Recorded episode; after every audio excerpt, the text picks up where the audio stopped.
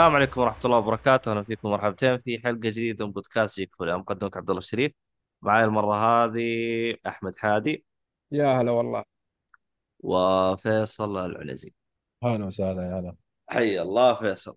فيصل الحلقة هذه آه. كلها هذه إن شاء الله فيصل بيزبطنا. معاكم آه عبد الله الشريف مقدمنا يعني يا شباب ها؟ عليك أبشر. إن شاء الله إنها تكون حلقة ممتعة لنا كأشخاص وللمستمعين اللي بيستمعون لنا. والله نقول إن شاء الله، طبعا هذا سامي لما يجيب الشاي حقه. آه طيب آه بشكل سريع اللي بيسمع حلقات البودكاست يقدر يسمعها على منصات البودكاست سبوتيفاي وأبل بودكاست والأشياء. تقدر تسوي لنا subscribe عشان الحلقة ما تأخر عليك في أبل بودكاست. آه لأن إذا ما سويت subscribe يمكن تنزل لك الحلقة بعد ساعة من نزولها طبعا إحنا ننزلها كل يوم أحد من كل أسبوع. هذه نقطة آه الراعي الرسمي بودكاست خيط الطباعة اللي بيشتري طبعة ثلاثية أبعاد يقدر يستخدم كود الخصم جيك فولي آه واللي يسمع آه الحلقات على بث مباشر يشارك معنا ويكتب آراء وزي كذا. نبث الحلقة على تويتش وعلى اليوتيوب. طيب المفروض البث كذا أموره تمام؟ كل حاجة. طيب أول شيء خلينا نبدأ مع فيصل.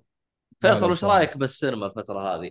والله السينما الفترة هذه أنا أقول بأنها بأفضل مستوياتها خاصة السنة ذي أتوقع السنة ذي بتنافس إذا استمرت أفلام على هذا المستوى الأفلام اللي المفروض إنها تنزل.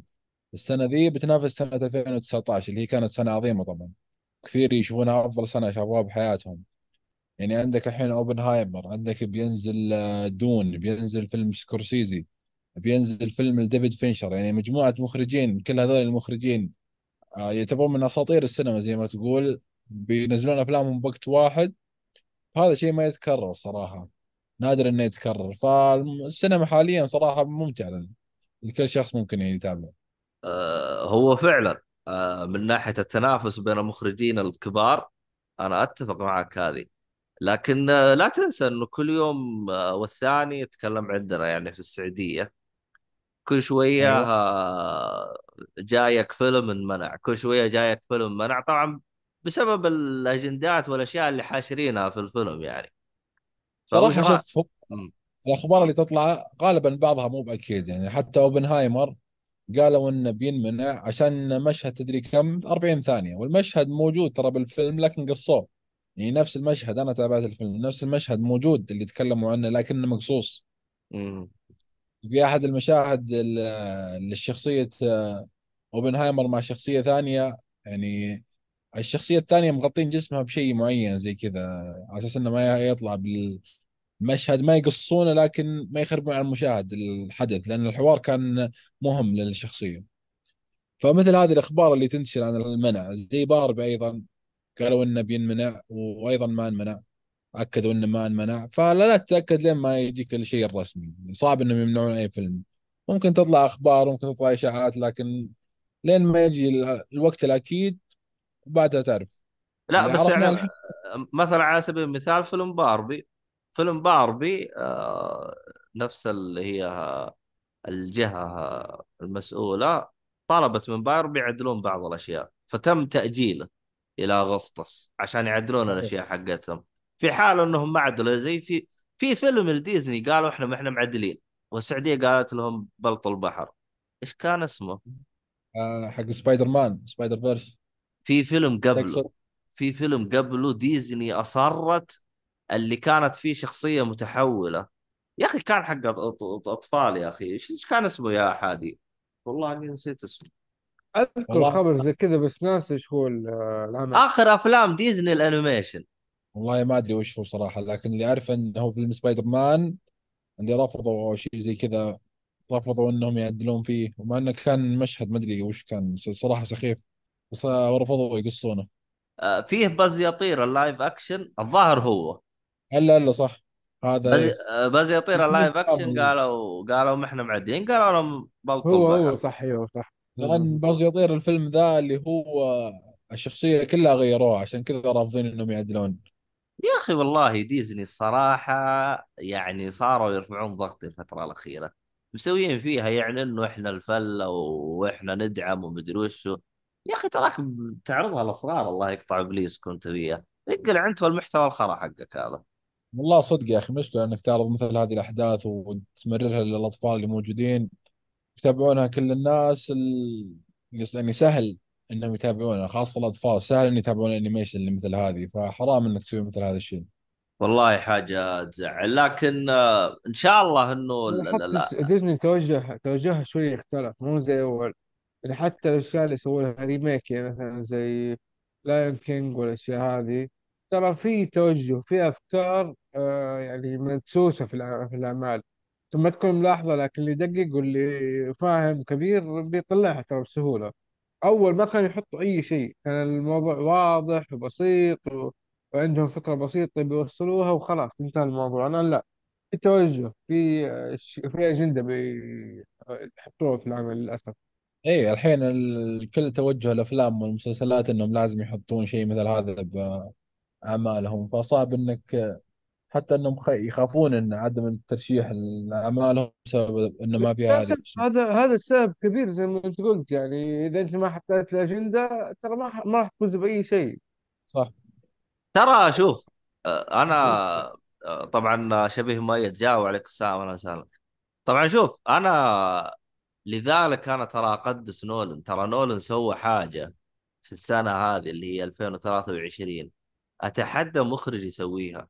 ما في ولا مخرج ترى سواها. نولن في الف... نولن في فيلم أوبنهايمر آه ما جاب ولا شخصية واحدة سمراء. جميع الشخصيات ذو بشرة بيضاء. لأنه إيه أصلا هذا القصة ما فيها ولا واحدة بشرتها سمراء. صحيح.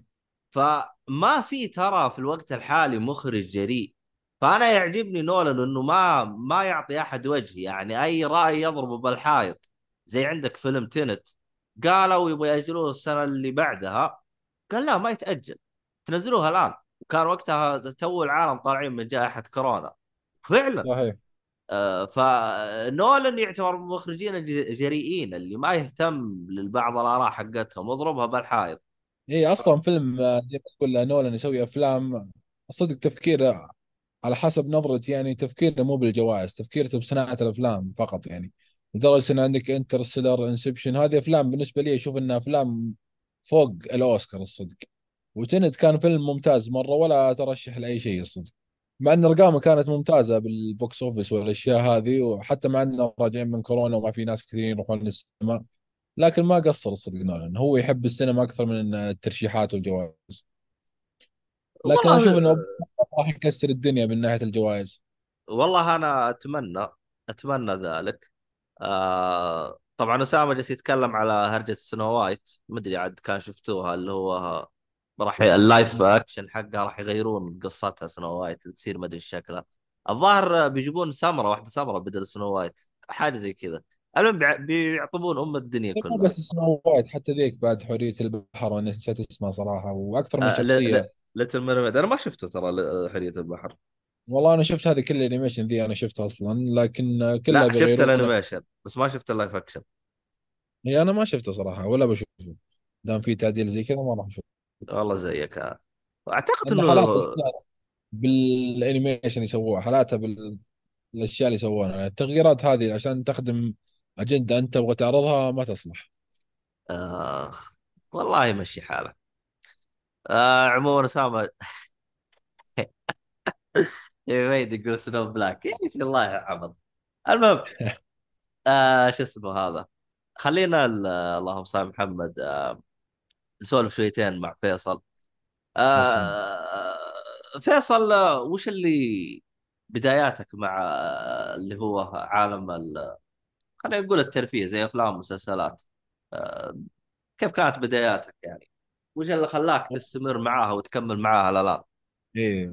يا أخي من وقت وأنا صغير الصدق لما تجلس أنت تتابع أو ت- طفشان ما عندك جوال ولا عندك شيء وش تجلس تسوي؟ تجلس تتابع التلفزيون. أنا صراحة كنت أنجذب لل animation بشكل كبير الصدق يعني كنت أتابع بشكل كبير ال animation. وبنفس الشيء كنت أفتح القنوات يا أخي أول كانوا يعرضون مسلسلات وأفلام على إم بي سي اكشن إم بي سي 2 إم بي سي 4 في هذه القنوات الثلاث بالتحديد كانوا يعرضون عليها مسلسلات كثير. فكنت أجلس وأتابع. في فيلم أجلس وأتابع. في مسلسل معين. حتى كنت بعض المسلسلات أشوف منها حلقات عشوائية. ما عندي مشكلة. فهذا الشيء اللي كان يجذبني. يعني في أحداث جديدة علي يا أخي. كل ما أجلس أتابع شيء جديد. أتابع شيء ما أشوفه باليوتيوب. أتابع شيء ما أشوفه بأي منصة. ما أشوف أحد يتكلم عنه. هذه الأشياء اللي خلتني أتحمس اتابع مسلسلات وأفلام. وزي عندك سبيس تون كانت تعرض أنميات و... وبعد ما كبرت صراحة عدت مشاهدتها ولا لا زالت عظيمة عندي يعني. فهذا الشيء اللي نمى عندي اني من الطفولة أحب هذه الأعمال اللي يعرضونها بالتلفزيون. هو ها... أنا أتكلم عن نفسي أنا في ال... في الأوقات هذيك كان عندي صاحبي وقتها على وقت ال hard disk ات تأخذ لك hard disk قد اللابتوب حجمه إيه. كم؟ يكون يكون حجمه الظاهر آه، 10 جيجا الظاهر ولا إيه. حج... ح- حجمه طفس أصلا يعني حجمه حتى أصلا ما وصل الواحد tera أصلا. أول كان واحد tera وكان okay إيه. على الظاهر على 250 جيجا أو حاجة زي كذا تأخذ لك hard disk. حتى أصلا والله كان غالي وقتها أول. فكان أنا عندي صاحب والله ما يقصر الله. كان يحمل و... ويلا وهب لي من hard disk ات واجلس شغال معاه أنا. آه إيه لا. نفس الكتاب صح. لكن أنا اللي أنا ما حضرتها اللي هي هرجة ال DVD ات أنا ال DVD ات أنا ما كنت أتعامل معاها. أشتري DV DVD ات و- واجلس خذ من السوق. ما كنت أتعامل معاها أنا الصراحة هذه. إيه ولا أنا مثلك صراحة. آه اللهم صل على محمد. آه، مين بالنسبة لك المخرج اللي بالنسبة لك آه يعني تقدس أعماله؟ يعني أي آه، مخرج أي عمل يصدره لازم تشوفه. والله هو مخرج قديم الصدق آه يعني هو يعتبر أفضل مخرج عندي اللي هو ستانلي كيوبريك. لا إحنا كذا حنتهاوش.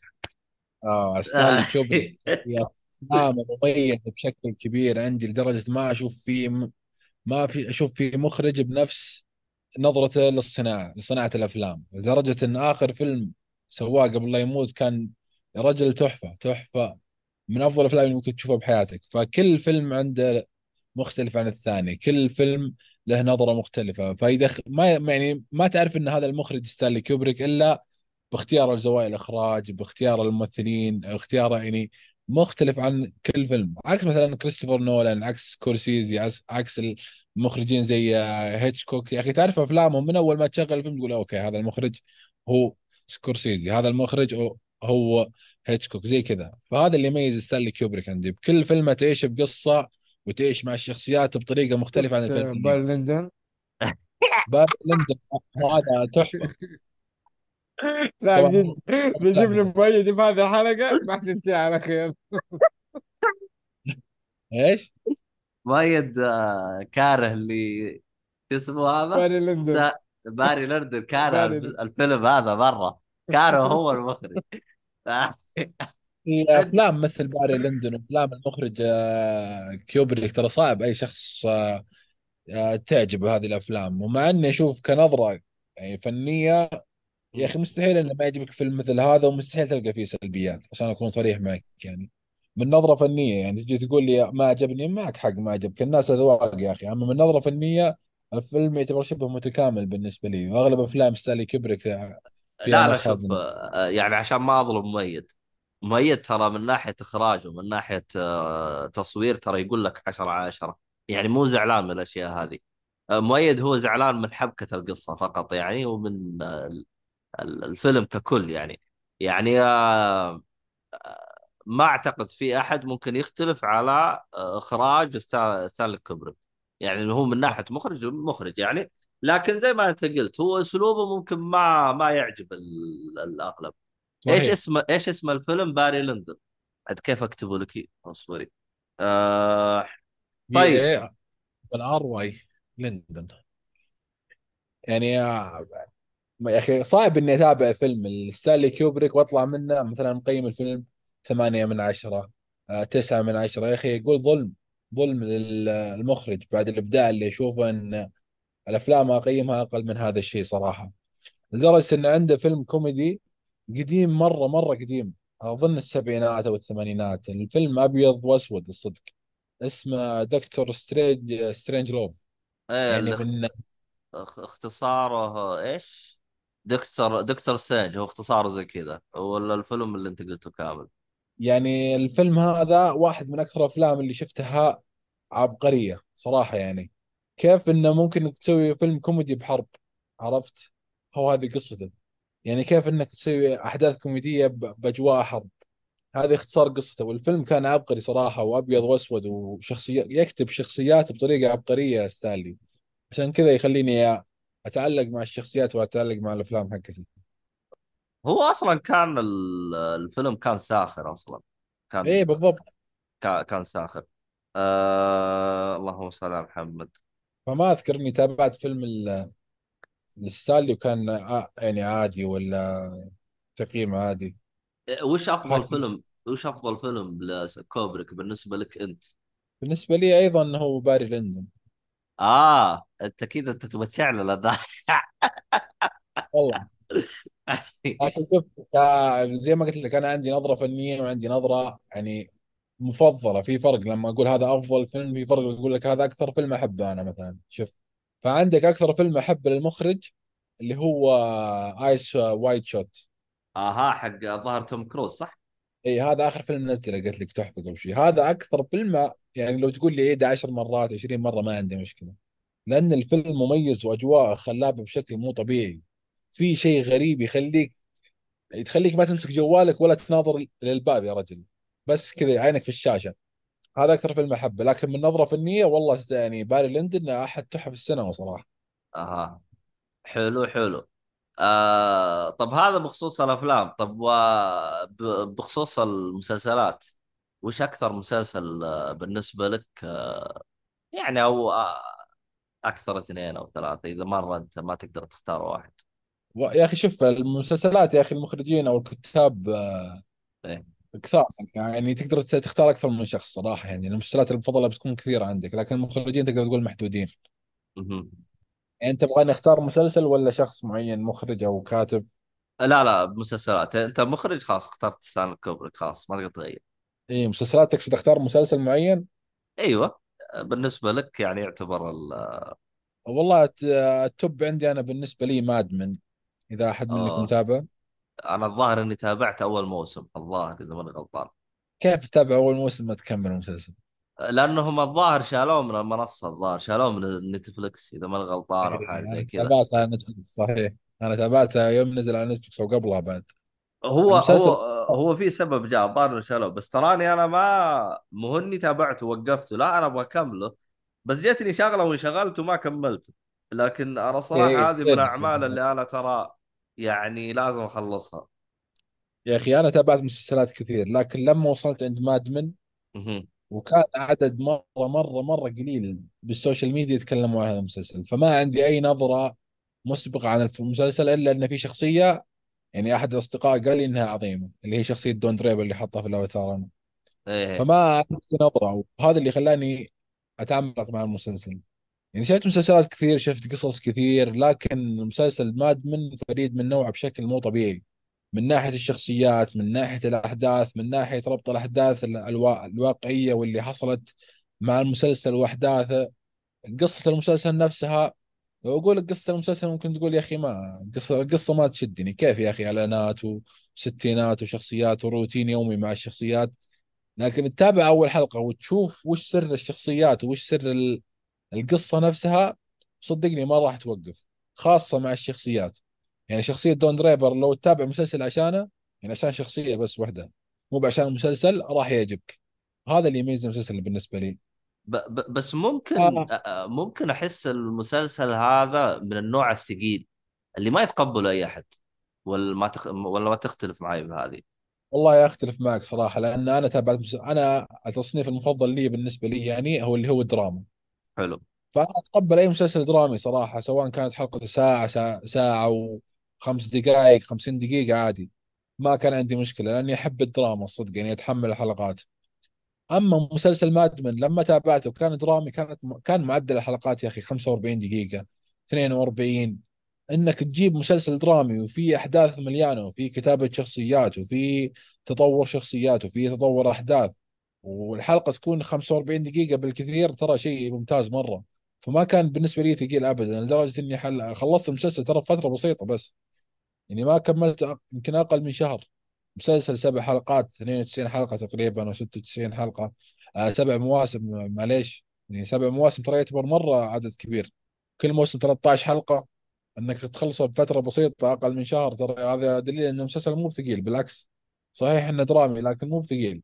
وهذا اللي خلاني أحب المسلسل أكثر الصدق.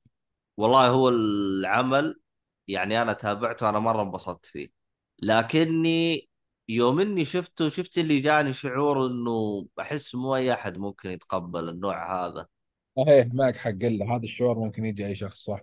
لأن أها الدراما اللي فيه يعني أنا أشوف إنها مميزة. يا إنه يعجبك يا إنه يعجب المسلسل لدرجة إنك تصير يصير أفضل مسلسل عندك يا إنك تقول يا أخي إيش هذا المسلسل الممل؟ فهمت؟ صحيح. اللي تخلي الدراما حقته مميزة بالنسبة لي.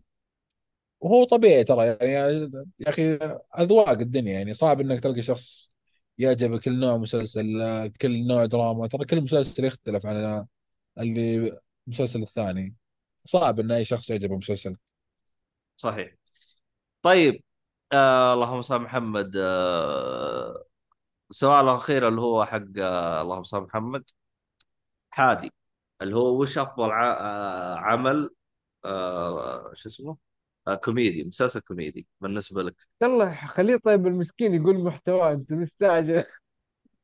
أنا كنت أبغى يا رجال يقول شيء يطرح شيء يقول مسلسلات بعدين أطرح له السؤال. أي سؤال؟ لا. هو السؤال اللي كنت تقول. والله بكيفك والله. إنه هو بيسألني ذا السؤال بس شكلك لعبت عليه ها؟ ما تبغى ما أه، يجاوب على لا لا لا عادي ما يفرق معي بس أحس وقته غلط. تعرف المفروض أنت تاخذ راحتك تتكلم عن المحتوى. بعدين والله أقول لك والله يا عبد يا فيصل لاحظت إنك مهتم بالمسلسلات اللي كذا و... و... فبسألك إيش أفضل واحد فيهم؟ بس باختصار يعني. إيه. إيه مسوي فيها الحياة يعني حلوة. يعني أنت مسوي فيها حبكة درامية يعني. واضح إنه مهتم بالكتابة أحمد لكن بشوف بقول لك شيء عن المسلسلات الكوميدية. أنا. دامكم كنتوا طاري المسلسلات الكوميديه يا أخي في مسلسلات كوميدية زي ال sitcoms اللي هي زي Friends زي ساينفيلد هذه اللي زي ما تقول آه غالبا الشخصيات يكونون ب group. يكون في صوت ضحكات بالخلفية. يعني ما يكون في شوية آه أحداث درامية لا. في بعضها زي عندك مثلا Friends في أحداث درامية كثير. في علاقات بين الشخصيات. أما ساينفيلد ما في علاقات ولا في أحداث درامية ابدا. في عندك How I Met Your Mother اذا تابعته. في أحداث درامية. فهذا النوع من المسلسلات أنا تعجبني لكن اللي يعجبني أكثر شيء هو المسلسل الكوميدي اللي بس فيه كوميديا. زي ساينفيلد عندك أها كوميديا بس. ومو كوميديا عادية اللي كوميديا بسيطة لا. كوميديا عبقرية. كل شخصية لها أسلوب معين. آه، كل شخصية لها آه، يعني كيف أقول لك نكت معينة.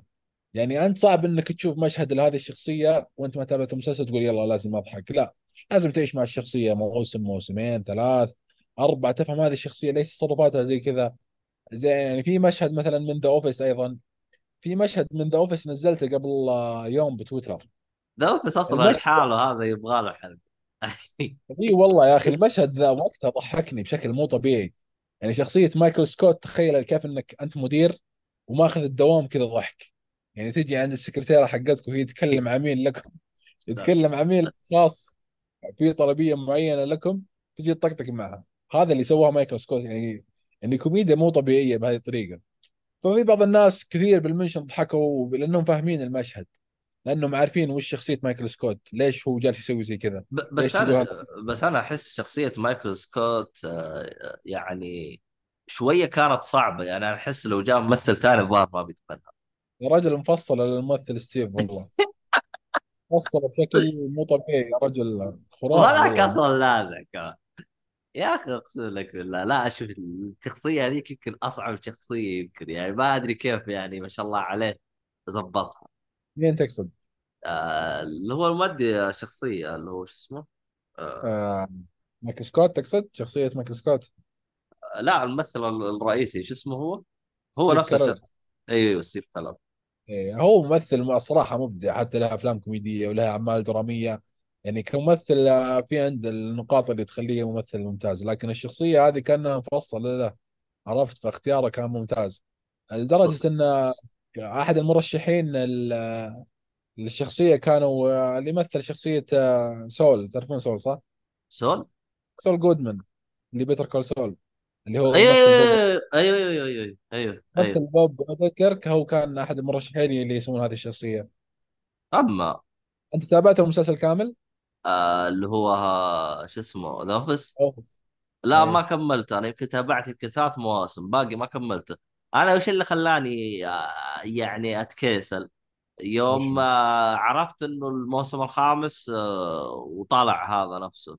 آه شو اسمه؟ الموسم الخامس يعني أيوه. أيوه هو هو يوم طلعت كيسلت خلص الفيلم الص- المسلسل. ودي اصدمك بشيء تدري إن بعد خروج الموسمين هذه أفضل من أول ب- بداية المواسم تستهبل. والله إني ما أكذب عليك. أنا كشخص بالنسبة لي المواسم اللي طلع منها أفضل من بداية المسلسل المواسم اللي كان موجود فيها. أنا أتكلم عن أول ثلاث مواسم أو الموسمين كذا. والله غريب رغم إنه والله صاحبي هذاك يقول أول ما طلع ما قدرت أكمل حلقة واحدة.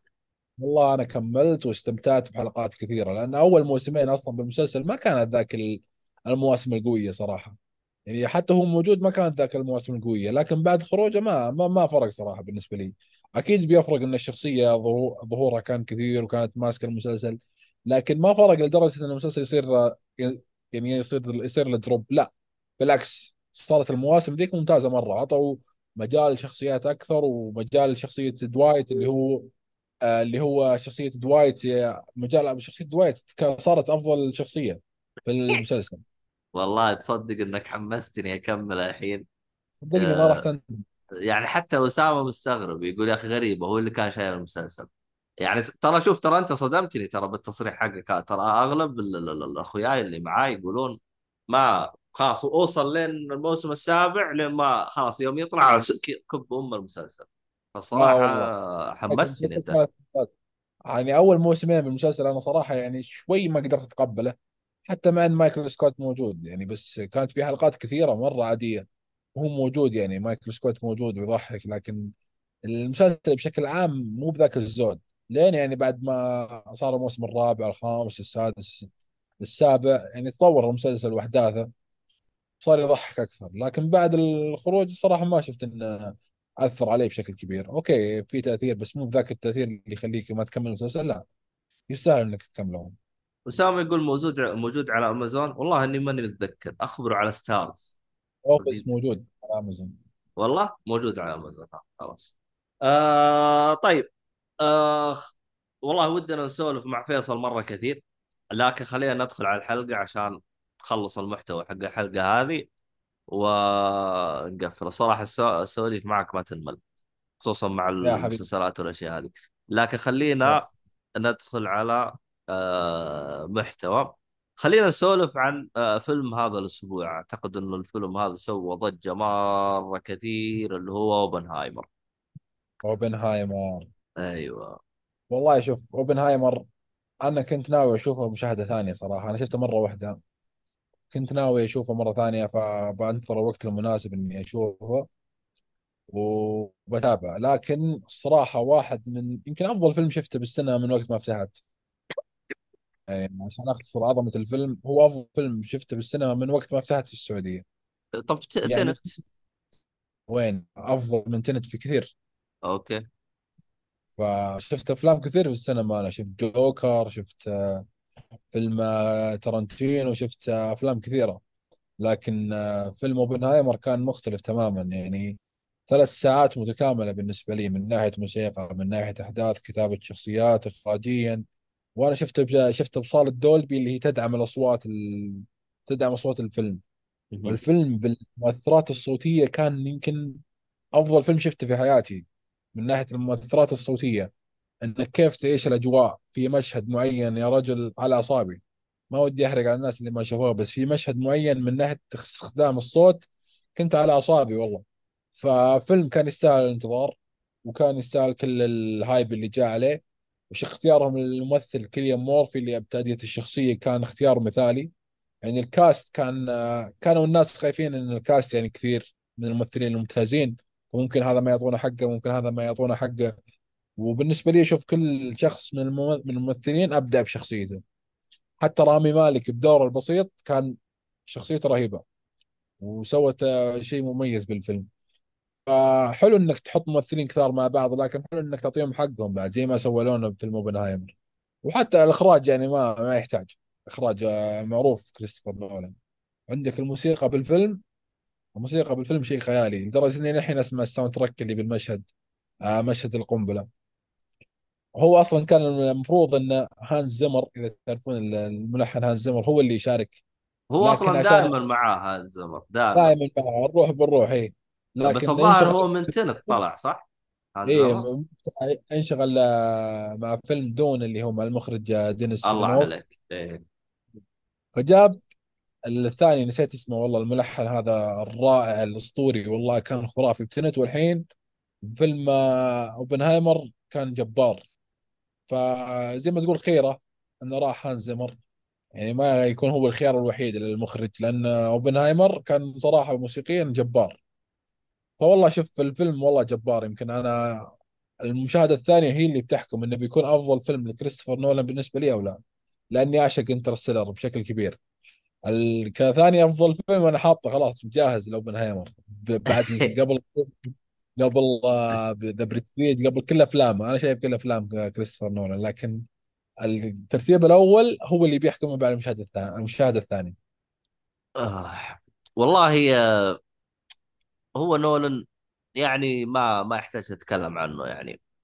نولان ما يحتاج إي والله. مبدع مبدع. آه. اسامه جالس يستهبل يقول لا تحرقون علي وأنا يرمون القنبلة. الله يقطع ابليسك يا اسامه لا الله يقطع حرقوا عليه قبل كم سنة يا رجل؟ لا والله الله العظيم كذا. ترى أنا بالنسبة لي المسلسل آه يعني هو ممتاز في كل حاجة. إلا حاجة واحدة أنا بالنسبة لي أنا ما مشت معاي حاجة واحدة بس ما حسيت إنه الشخصية شدت اهتمامي. يعني برها ما طيب طيب وإذا؟ يعني ما ما حسيت اوبنهايمر الشخص إي إي كشخصية أوبنهايمر وليس الممثل. الممثل أدى الدور تمام وجسد الشخصية بشكل تمام. لكن مثلا إني أبغى أعرف مين هو أوبنهايمر آه، ما حسيت إنه آثار فضولي يعني. هذا ال- الشيء اللي خلاني ما أدخل جو كثير مع المسلسل. لكن من ناحية أحداث ومن ناحية الأشياء هذه كلها أنا كله انبسطت في الفيلم. خلصت الثلاث ساعات انبسطت آه لكن هل آه مثلا إذا جاء أحد سألني أقول له أنصحك بالمسلسل أقول لك والله الشخصية ما أثارت فضولي شخصية أوبنهايمر ولا ولا إني حتى بعد ما خلصت المسلسل رحت أبحث عنه. مرة ما اهتميت له. ف اوبنهايمر قبل الفيلم صح؟ ها؟ ما تعرف اوبنهايمر قبل الفيلم؟ لا. إيه هنا اللي يختلف عاد من شخص لشخص. أنا مثلا كشخص إيه. عارف من هو اوبنهايمر عارف أحداث القنبلة الذ- النوويه اللي صارت عارف وش صار تأثيرها عارف وش صار مع الشخصية نفسها. ترى مو شرط إنك تعرف عشان أقول لك أنا مو شرط إنك تتابع الفيلم لازم تعرف. لا مو شرط صراحة لأن الفيلم كان فيه سيره فيلم سيرة ذاتية وما قصر صراحة بطرح الأحداث. لكن لو يكون عندك خلفية ومن زمان أنا صراحة كنت أقرأ دائما عن التاريخ وعن الحرب العالمية الثانية وال- والحرب العالمية الأولى والأشياء هذه فعندي خلفية عن الموضوع عرفت. فمتأثر فك... فكان الموضوع شادك من قبل الفيلم فيوم جاء الفيلم شادك اعرف اوبنهايمر هذا اللي سوى نقلة بالحرب العالمية الثانية إيه. وفجر القنبلة الذرية باليابان و... وأباد كثير من البشرية. بشوف وش اللي بيقدم لي المخرج وش اللي بيخليني. هل اللي أها بيخليني اتعاطف مع الشخصية أو لا؟ يعني لدرجة ان إحنا نعرف ان أباد كمية كبيرة من الناس. المفروض إنك كشخص ما تتعاطف مع إنسان مثل هذا لكن المخرج وراك حتى ما خلاك تتعاطف معه بنفس الوقت. ما أعطى ما كان محايد للشخصية نفسها. ما يقول لك إن الفعل اللي سواه صح لا. خلى الشخصية نفسها هي تعيش بصراع. أنا قتلت الشخصيات هذه. صار يشوف الناس محترقين قدامه صار يتخيل صار في أوهام ب- بش- بن- يعني أوهام قاعد يشوفها. صار يهلوس بأشياء كثيرة يعني بنفس الوقت في المحاكمة ما ودي أحرق أنا لكن ما كان محايد ابدا كريستوفر نولان يعني. ط... جاب لك الشخصية. طرح الفكرة وأنت عاد خذها زي ما تبغى. اي تبغى تتعاطف معه ما تبغى تتعاطف معه أنا جبت لك حقائق وواقع صارت. رغم انه والله ترى جلست أشوف في نقاشات كثير. في نقاشات كثيرة اشوفها يعني جلست تخاض في الفترة هذه.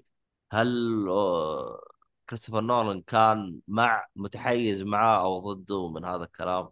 يعني حتى صارت في نقاشات كثير يعني هل هو متحيز معاه أو أو لا؟ أنا ما ودي أحرق على الناس هنا بس في مشهد واحد اللي شافه يقول إنه متحيز ومعاه أنا أقول هذا لازم يعيد الفيلم أو إنه يشوف فيلم ثاني صراحة. لأن المشهد ذاك سفل بالشخصية ويا رجل لدرجة مو طبيعية.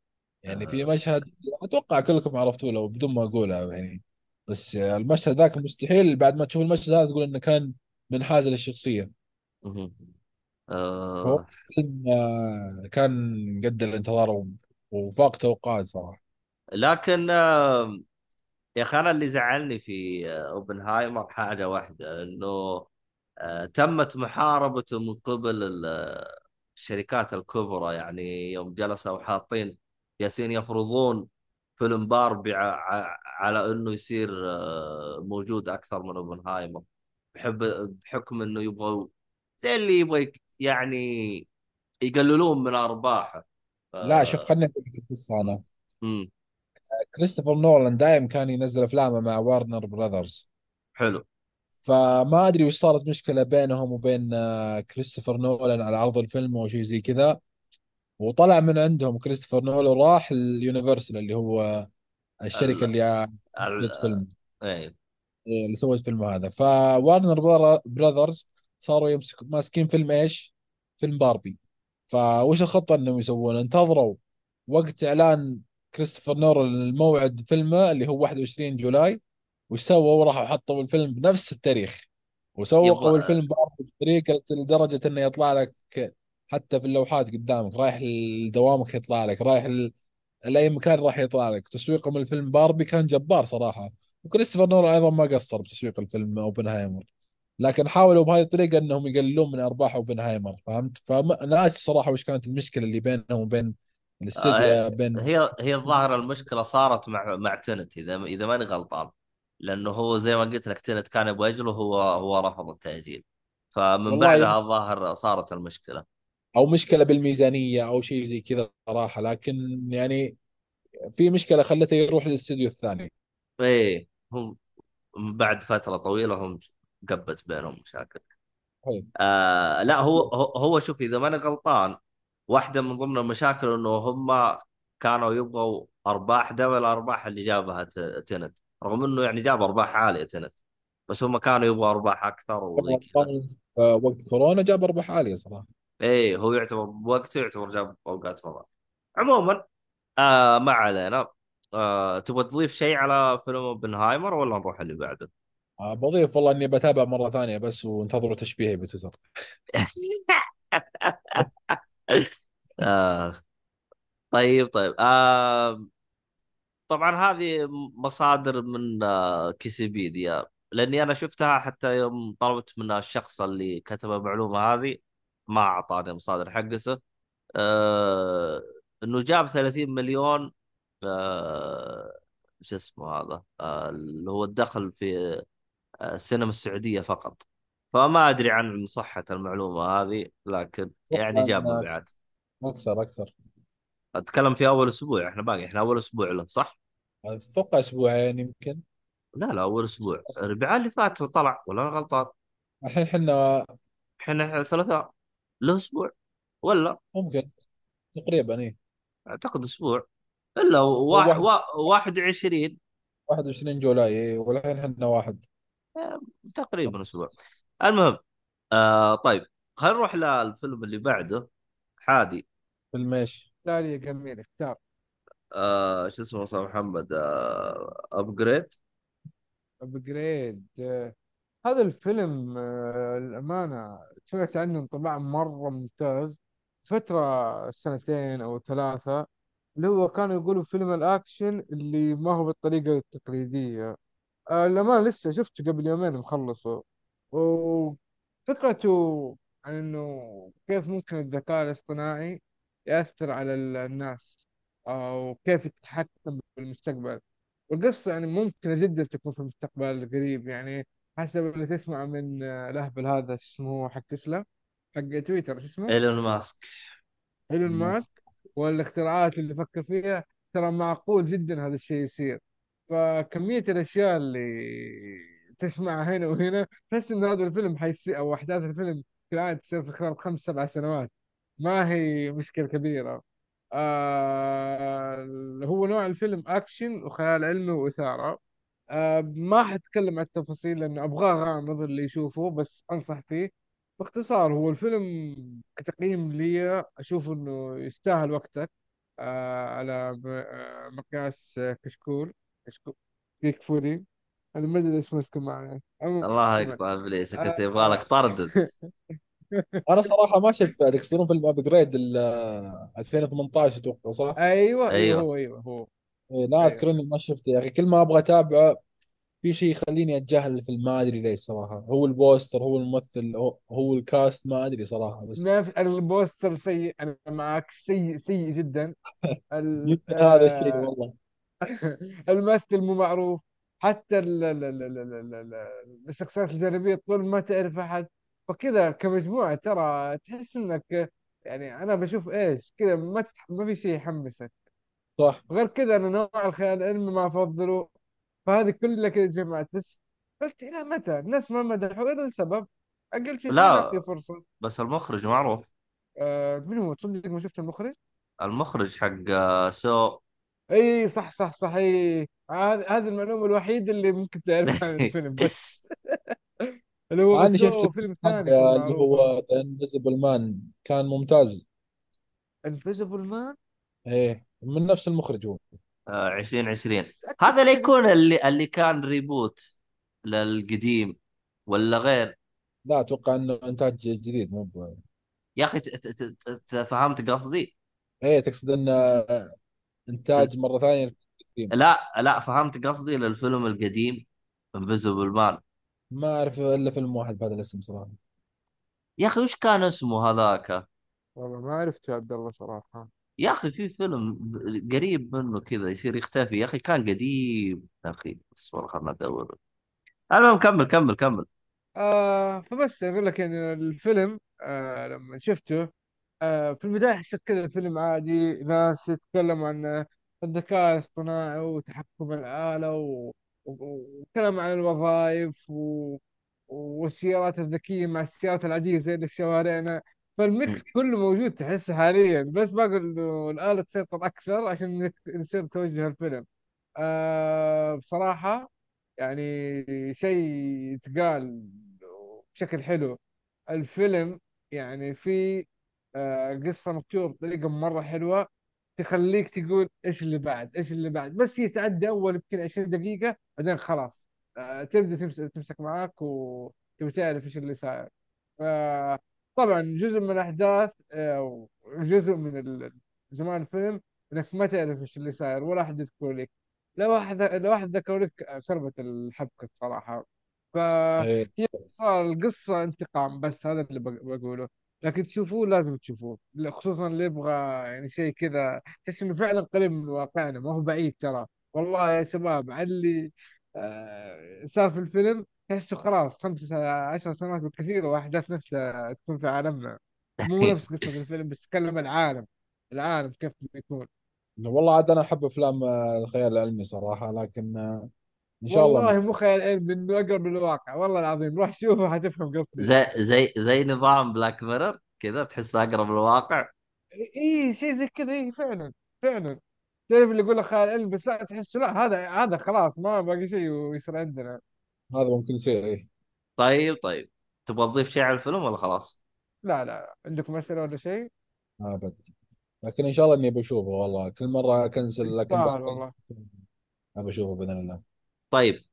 آه خلينا نروح لفيصل آه عندنا فيلم آه Walk the Line إيه. اي نبغى نسمع نبغى نسمع. شوف والله. أنا Walk the Line شفته بعد فترة طويلة طبعا من مشاهداتي الأفلام. شفته يمكن سنة 2020 أو 19 يمكن سنة 2020 لا 19 19 ديسمبر 2019 ما شاء الله حافظ متى شفته. اي لأن Letterboxd يطلع لك متى شفت المشاهدات آه آه، فهمت فهمت. متى سجلت الفيلم.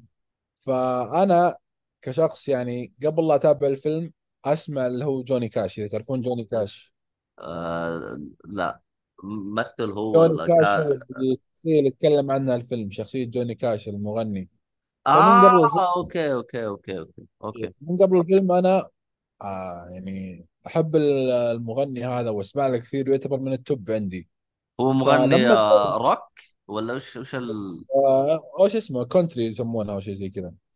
country music هو كان أسطورة ال country music حلو. فأنا أحب أسمع أغاني كنت أحب أسمع أغاني كثير. فلما جيت أنا حتى ما احد قال لي عن الفيلم ولا بحثت لين أنا كنت أتابع أفلام أحب خواكين أنا كممثل. يعني زي ما تقدر تقول إن أكثر أكثر ممثل أحبه من الممثلين. ممثلي المفضل زي ما تقول. آه خواكين صرت أشوف أفلام لها بالتدريج. لين وصلت الفيلم Walk the Line وحطيته بالقائمة أنا بدون ما أعرف وش القصة وبدون ما أعرف لكن أنا عارف بعد ما سمعت شفت الاسم الفيلم Walk the Line هو نفس اسم أغنية من أغاني جوني كاش. okay. فقلت الاسم مر علي هذا فلازم أحط الفيلم بالقائمة. ولما تابعت الفيلم طلع صدق بحثت عن الفيلم وطلع يتكلم عن آه، هو زي ما تقول آه، سيرة ذاتية عن آه، الشخصية نفسها هي جوني كاش. كيف بدأ وكيف آه، إيش سوى بحياته وإيش اللي مر فيه عشان يوصل للمرحلة اللي وصل لها وكيف صار أسطورة وإيش اللي عانى وإيش النقطة النقطة النقط اللي صار اللي تحول بحياته وكذا يعني كل الأشياء هذه. حلو. فتابعت الفيلم والإبداع اللي بالفيلم اللي شفته أنا طبعا عارف تفاصيل عن شخصية جوني كاش يعني عن حياته وزي كذا وبداياته عارف تفاصيل بس مو أنا ماني متعمق وقتها لكن بعد ما تابعت الفيلم وشفت الإبداع اللي بالفيلم والله كان ودي إن الفيلم ما ينتهي من كثر ما هو فيلم أيقوني يعني. جايبين خواكين ممثل الشخصية يا رجل جسد الشخصية بشكل جبار. أنا كنت أشوف مقاطع دايم كيف ال- عروض كثيرة شفت لجوني كاش وكيف طريقته على المسرح وكيف يعزف وكيف يغني وكيف طريقته بالكلام وهو يغني ونفس الشخصية اللي هي زوجته. يعني جسدوا المشاهد بشكل كأنها حقيقية لدرجة إن قريت معلومة إن خواكين والممثل أريس اللي معاه جلسوا يتدربون ست شهور على الأغاني والعزف والأشياء هذه عشان يوصلون للمرحلة المثالية اللي وصلوا لها بالفيلم فالعزف والأغاني والأصوات وكل التفاصيل اللي على المسرح حقيقية ما في أي تعديل. ما في أي تعديل من ال- المخرج نفسه ولا الأصوات يعني كل شيء موجود صدق.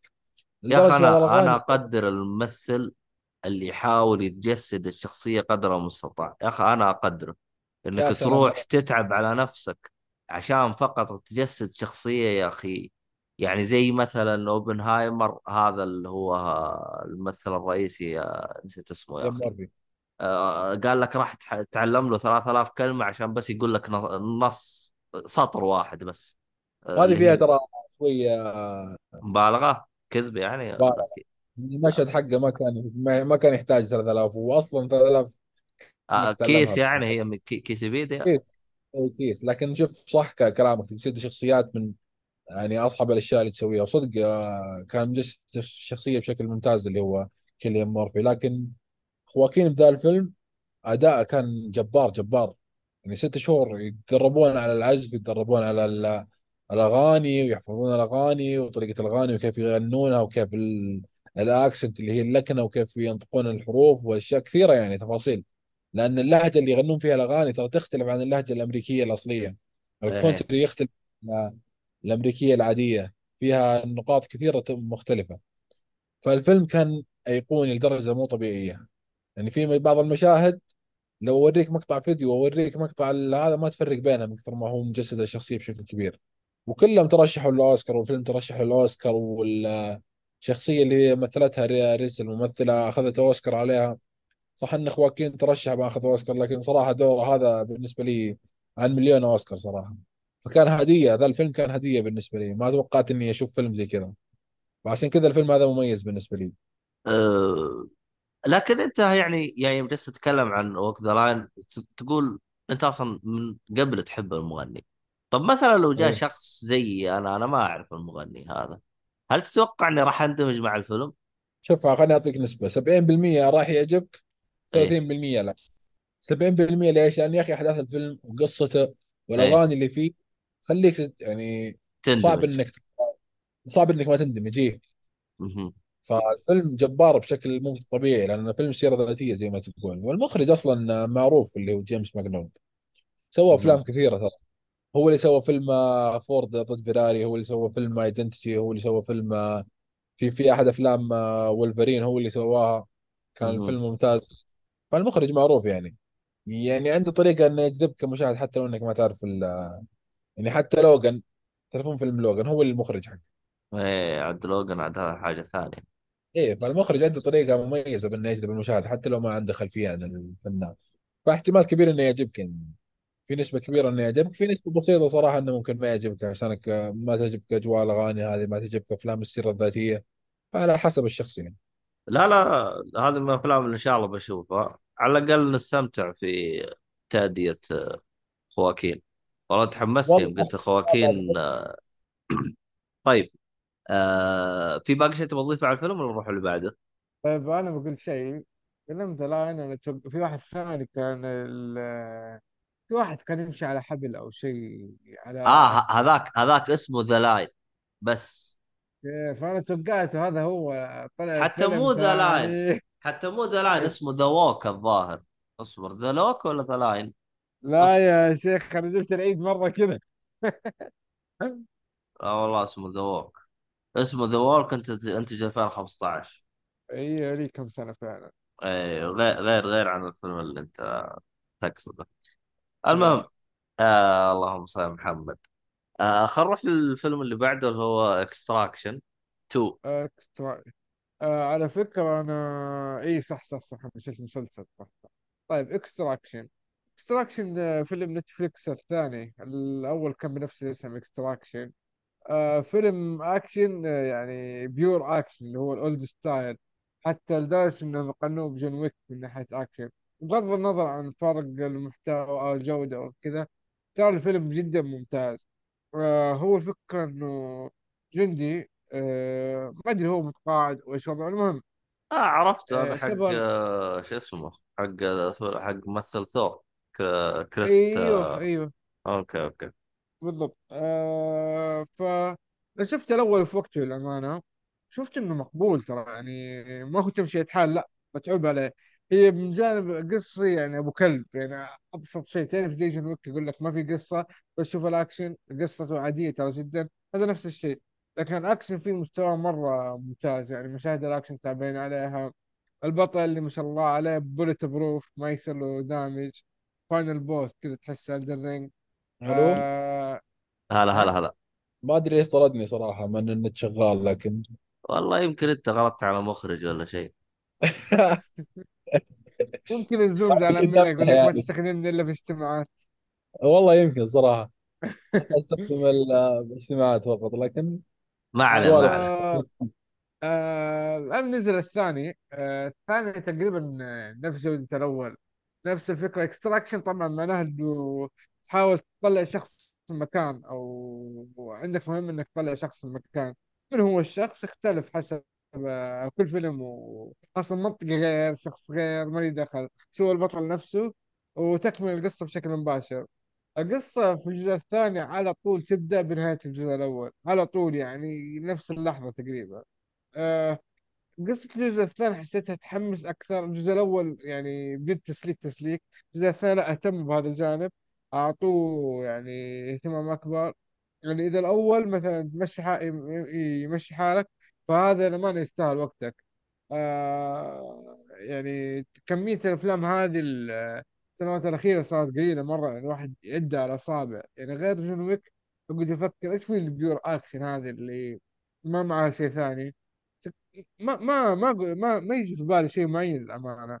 فهذه النقطة يعني لما تطول فيها تطول عدد الناس اللي قيموه كذا ما تحس إن أنا يعني رأيي غريب أو شيء لا بالعكس. كل الناس آه، مقيمونه كويس. يعني مثلا في في اي ام دي بي تقييمه سبعة سبعة تمام سبعة 7.0 من 110 آلاف شخص قيم. فتقييم ممتاز حتى العدد اللي قيمه يعتبر كبير جدا. آه خصوصا إنه ما هو فيلم آه سينما أو شيء لا موجود بس على نتفليكس حصري على نتفليكس. آه أنا بغض النظر اللي يمكن ما يبغى الأفلام الأكشن ال pure action يقول هذه كذب ما أدري إيش.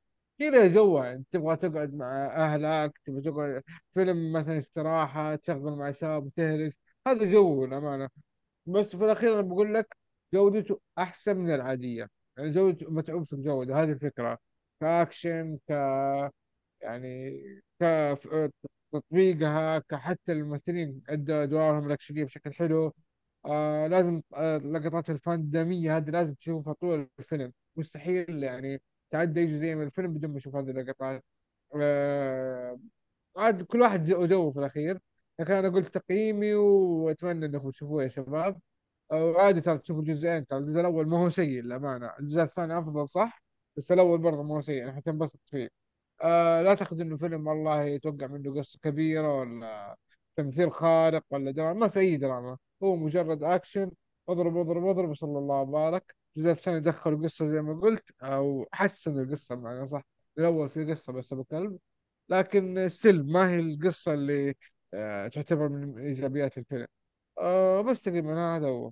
حلو أنت حلو. تقصد فيلم وش إيش؟ الفيلم؟ اكستراك اكستراكشن اكستراكشن 2 اكستراكشن 2 حق اي نتفلكس أنا ما شفت الفيلم الأول صراحة لأن ما توقعت إن الفيلم ممكن يجذبني لكن شفت لمشاهد بالجزء الثاني صراحة جذبتني أنا صراحة أحب الأكشن أنا.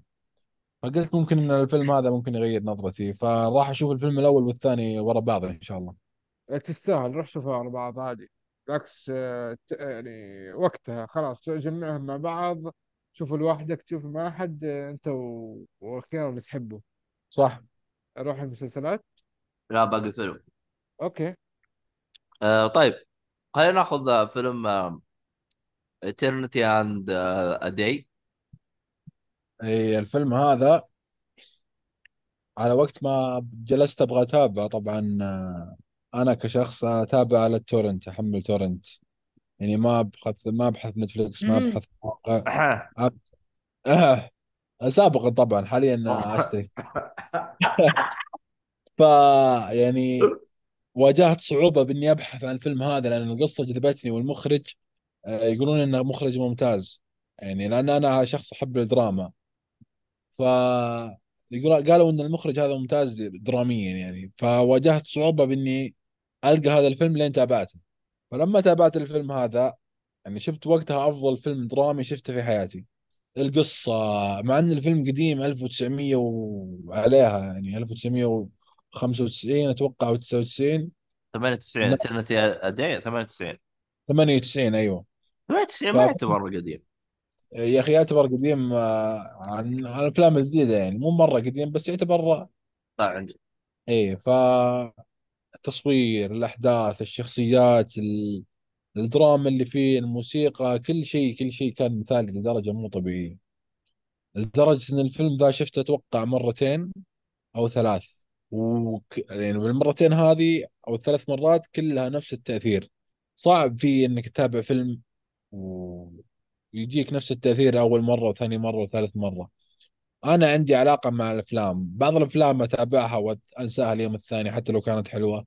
بعض الأفلام تجلس معي فترة طويلة. هذا الفيلم جلس معي فترة طويلة في بالي يمكن أكثر من أسبوع أسبوعين كذا أفكر بأحداث الفيلم وكيف الشخصية هذه صار لها زي كذا وكيف الشخصية هذه صار لها زي كذا. فهذه قليل الأفلام اللي تصير معي نفس هذا الشيء. فقط المسلسلات اللي قاعد أفكر فيها فترة طويلة وقاعد أفكر بشخصياتها لأنها مواسمها يا أخي كثيرة وتقدر تتعلق مع الشخصيات. الفيلم بس ساعتين وخلاص صعب إنك تتعلق معه فترة طويلة. لكن هذا اللي كان مميز بالفيلم إنه خلاني أتذكر الحدث ذا بس مع مجرد سماع الموسيقى حقته مع شفت مشهد بالصدفه أتذكر تفاصيل المشهد كاملة. التمثيل بالمشهد المعين هذا الحدث اللي صار بالمشهد المعين. فكلها تفاصيل خلت إن الفيلم هذا قدم لي دراما عظيمة عظيمة. وأنا خاصة إني أعشق شيء اسمه دراما. فالفيلم هذا كان مميز بالدراما لدرجة إني ما شفت إلى الآن ما شفت من وقت ما شفت الفيلم إلى الآن ما شفت أي فيلم درامي يوصل لمرحلته. فهذا الفيلم مميز بالنسبة لي. وقتها يعني عانيت لما تابعته صراحة وكان يستاهل. وأتوقع أي شخص يحب الدراما راح يعجب هذا الفيلم. فأنصح أي شخص يبغى فيلم درامي من عظيم يعني لا يشوف غير هذا الفيلم. والله معلش أنا ما سمعت ولا شيء. فإذا عندك أسئلة يا حادي اسأل. يا عبد الله ارجع للتسجيل. اي أنا عارف أنا أصلا حدي على التسجيل أنا. آه عادي ترى يا فيصل تزبد عادي ترى مرة. خذ راحتك. لا هذا أول مرة خلاها رسمية شوي.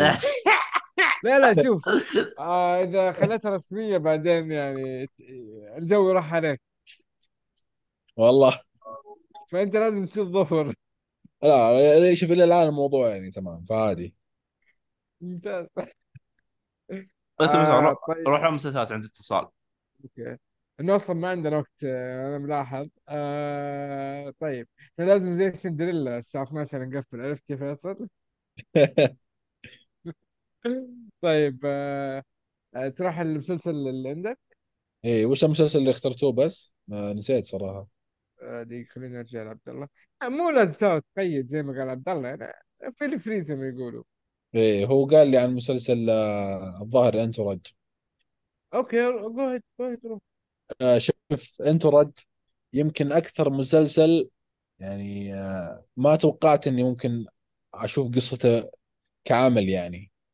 حلو. هو قصة المسلسل إن آه، كيف لو كان أحد الممثلين في هوليوود يعني ممثل ناجح وممثل له آه، صيته وزي كذا وله مشاركة مع مخرجين كبار وزي كذا فكيف أنت مهم. تعيش حياة الممثل هذا؟ يعني تعيش حياة مع الممثل هذا. وهم جابوا لك المسلسل جابوا لك من الجانب حق الشخصية. إيش اللي يعاني منه؟ كيف يعيش هوليوود؟ إيش العروض اللي تجي؟ كيف العروض تجي لهذا الممثل؟ وش الخطوات؟ الممثل لما يوصل للمرحلة إنه خلاص يصير مشهور وش اللي السلبيات؟ وش الإيجابيات؟ في أحد المنتجين من المسلسل اللي هو مارك ويلبرغ إذا تعرفه. فهو ممثل معروف.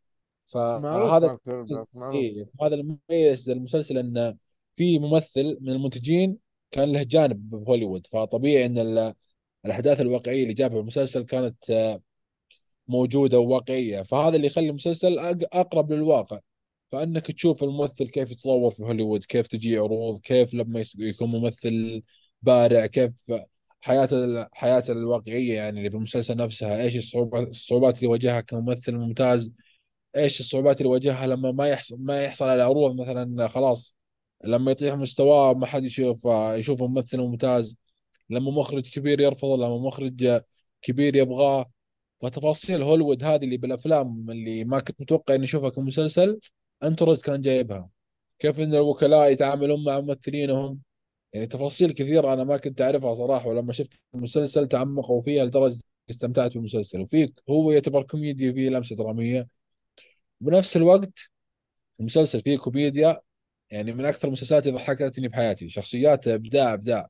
فهذا اللي آه، أتوقع هذا المسلسل اللي ممكن أي شخص يعجبه يعني أي شخص مهتم بالأفلام وهوليوود والأشياء هذه ممكن الكوميديا فيه زي شو اسمه هو اللي قلتوا عليه قبل ما نبدأ التسجيل حق الكورة شو اسمه هو؟ آه Ted Lasso لا هذا سيتكم أيوه. تراه آه أنت تتكلم عن آه Entourage صح؟ اي لا مو سيتكم ترى ما يعتبر sitcom Entourage ما أدري جوجل كاتب لي إنه سيتكم ما لا, لا ما أقرب الايش أقرب الايش يا أخي ما أدري كيف اشرح لك لكن ما هو قريب من مسلسل معين لأنه أحس إنه منفرد بقصته. يعني لا لا لا, لا ما أتكلم عن المسلسل بشكل عام أتكلم نوعية الكوميديا بس فيه. نوعية نوعية الكوميديا يا أخي اللي اللي تضحك بطريقة كيف أقول لك؟ يعني كل شخصية لها أسلوب وكل شخصية تضحك. في ذبات من مثلا يجيبوا لك ذبات مثلا من مسلسل يذب على مسلسل معين يذب على فيلم يجيب لك ذبة reference من فيلم معين. يعني مثلا ما أدري هل تعتبر حرق أو لا لكن مرة جابوا يتكلمون عن Mad Men مرة جابوا يتكلمون عن سكورسيزي مرة جابوا يتكلمون عن مخرجين معينين. والمسلسل مميز بإيش؟ إنه يجيب شخصيات مشهورة بشخصيات مشهورة فهمت؟ يعني هي مثلا شخصية مشهورة يجيبونها هي كشخصية للمسلسل. حلو حلو. عرفت؟ يعني ممثل مثلا خلينا نقول مثال هو ما مو حرق لكن مثال ليوناردو دي كابريو. جابوا الممثل ليوناردو في المسلسل ما يجيبونه على أساس إنه شخصية لا على أساس يجيبونه على أساس إنه ليوناردو دي كابريو. okay فهمت؟ يعني الضيوف اللي يجيبوهم إيه. يجيبوهم على إنه هو شخصية ح... يا نفس ما سلام عليك. يمثل نفسه. ما هو يجيب شخصية. أوكي. لا لا ما يبغى شخصية يجيب لك إياه ك- كممثل نفسه. ف يعني متعة متعة بشكل مو طبيعي. يتكلمون عن أفلام إحنا نحبها يتكلمون عن مسلسلات إحنا نحبها يتكلمون عن شخصيات عن أشياء كثيرة عرفت؟ فتحس إن يعني المسلسل قريب يصير قريب منك بشكل تدريجي. كل ما تابعت حلقات ورا بعض المسلسل يصير أقرب لك. ودك تشوف وش المسلسل وش الحلقة الجاية وش الحلقة اللي بعدها مين الضيف الجاي اللي بيجيبونه لأنه بكل موسم يجيبون ضيف أفضل من اللي بعده. أتوقع صعب أحد يتابع المسلسل هذا وما يعجبه الصدق. من اللي ما راح يعجبه؟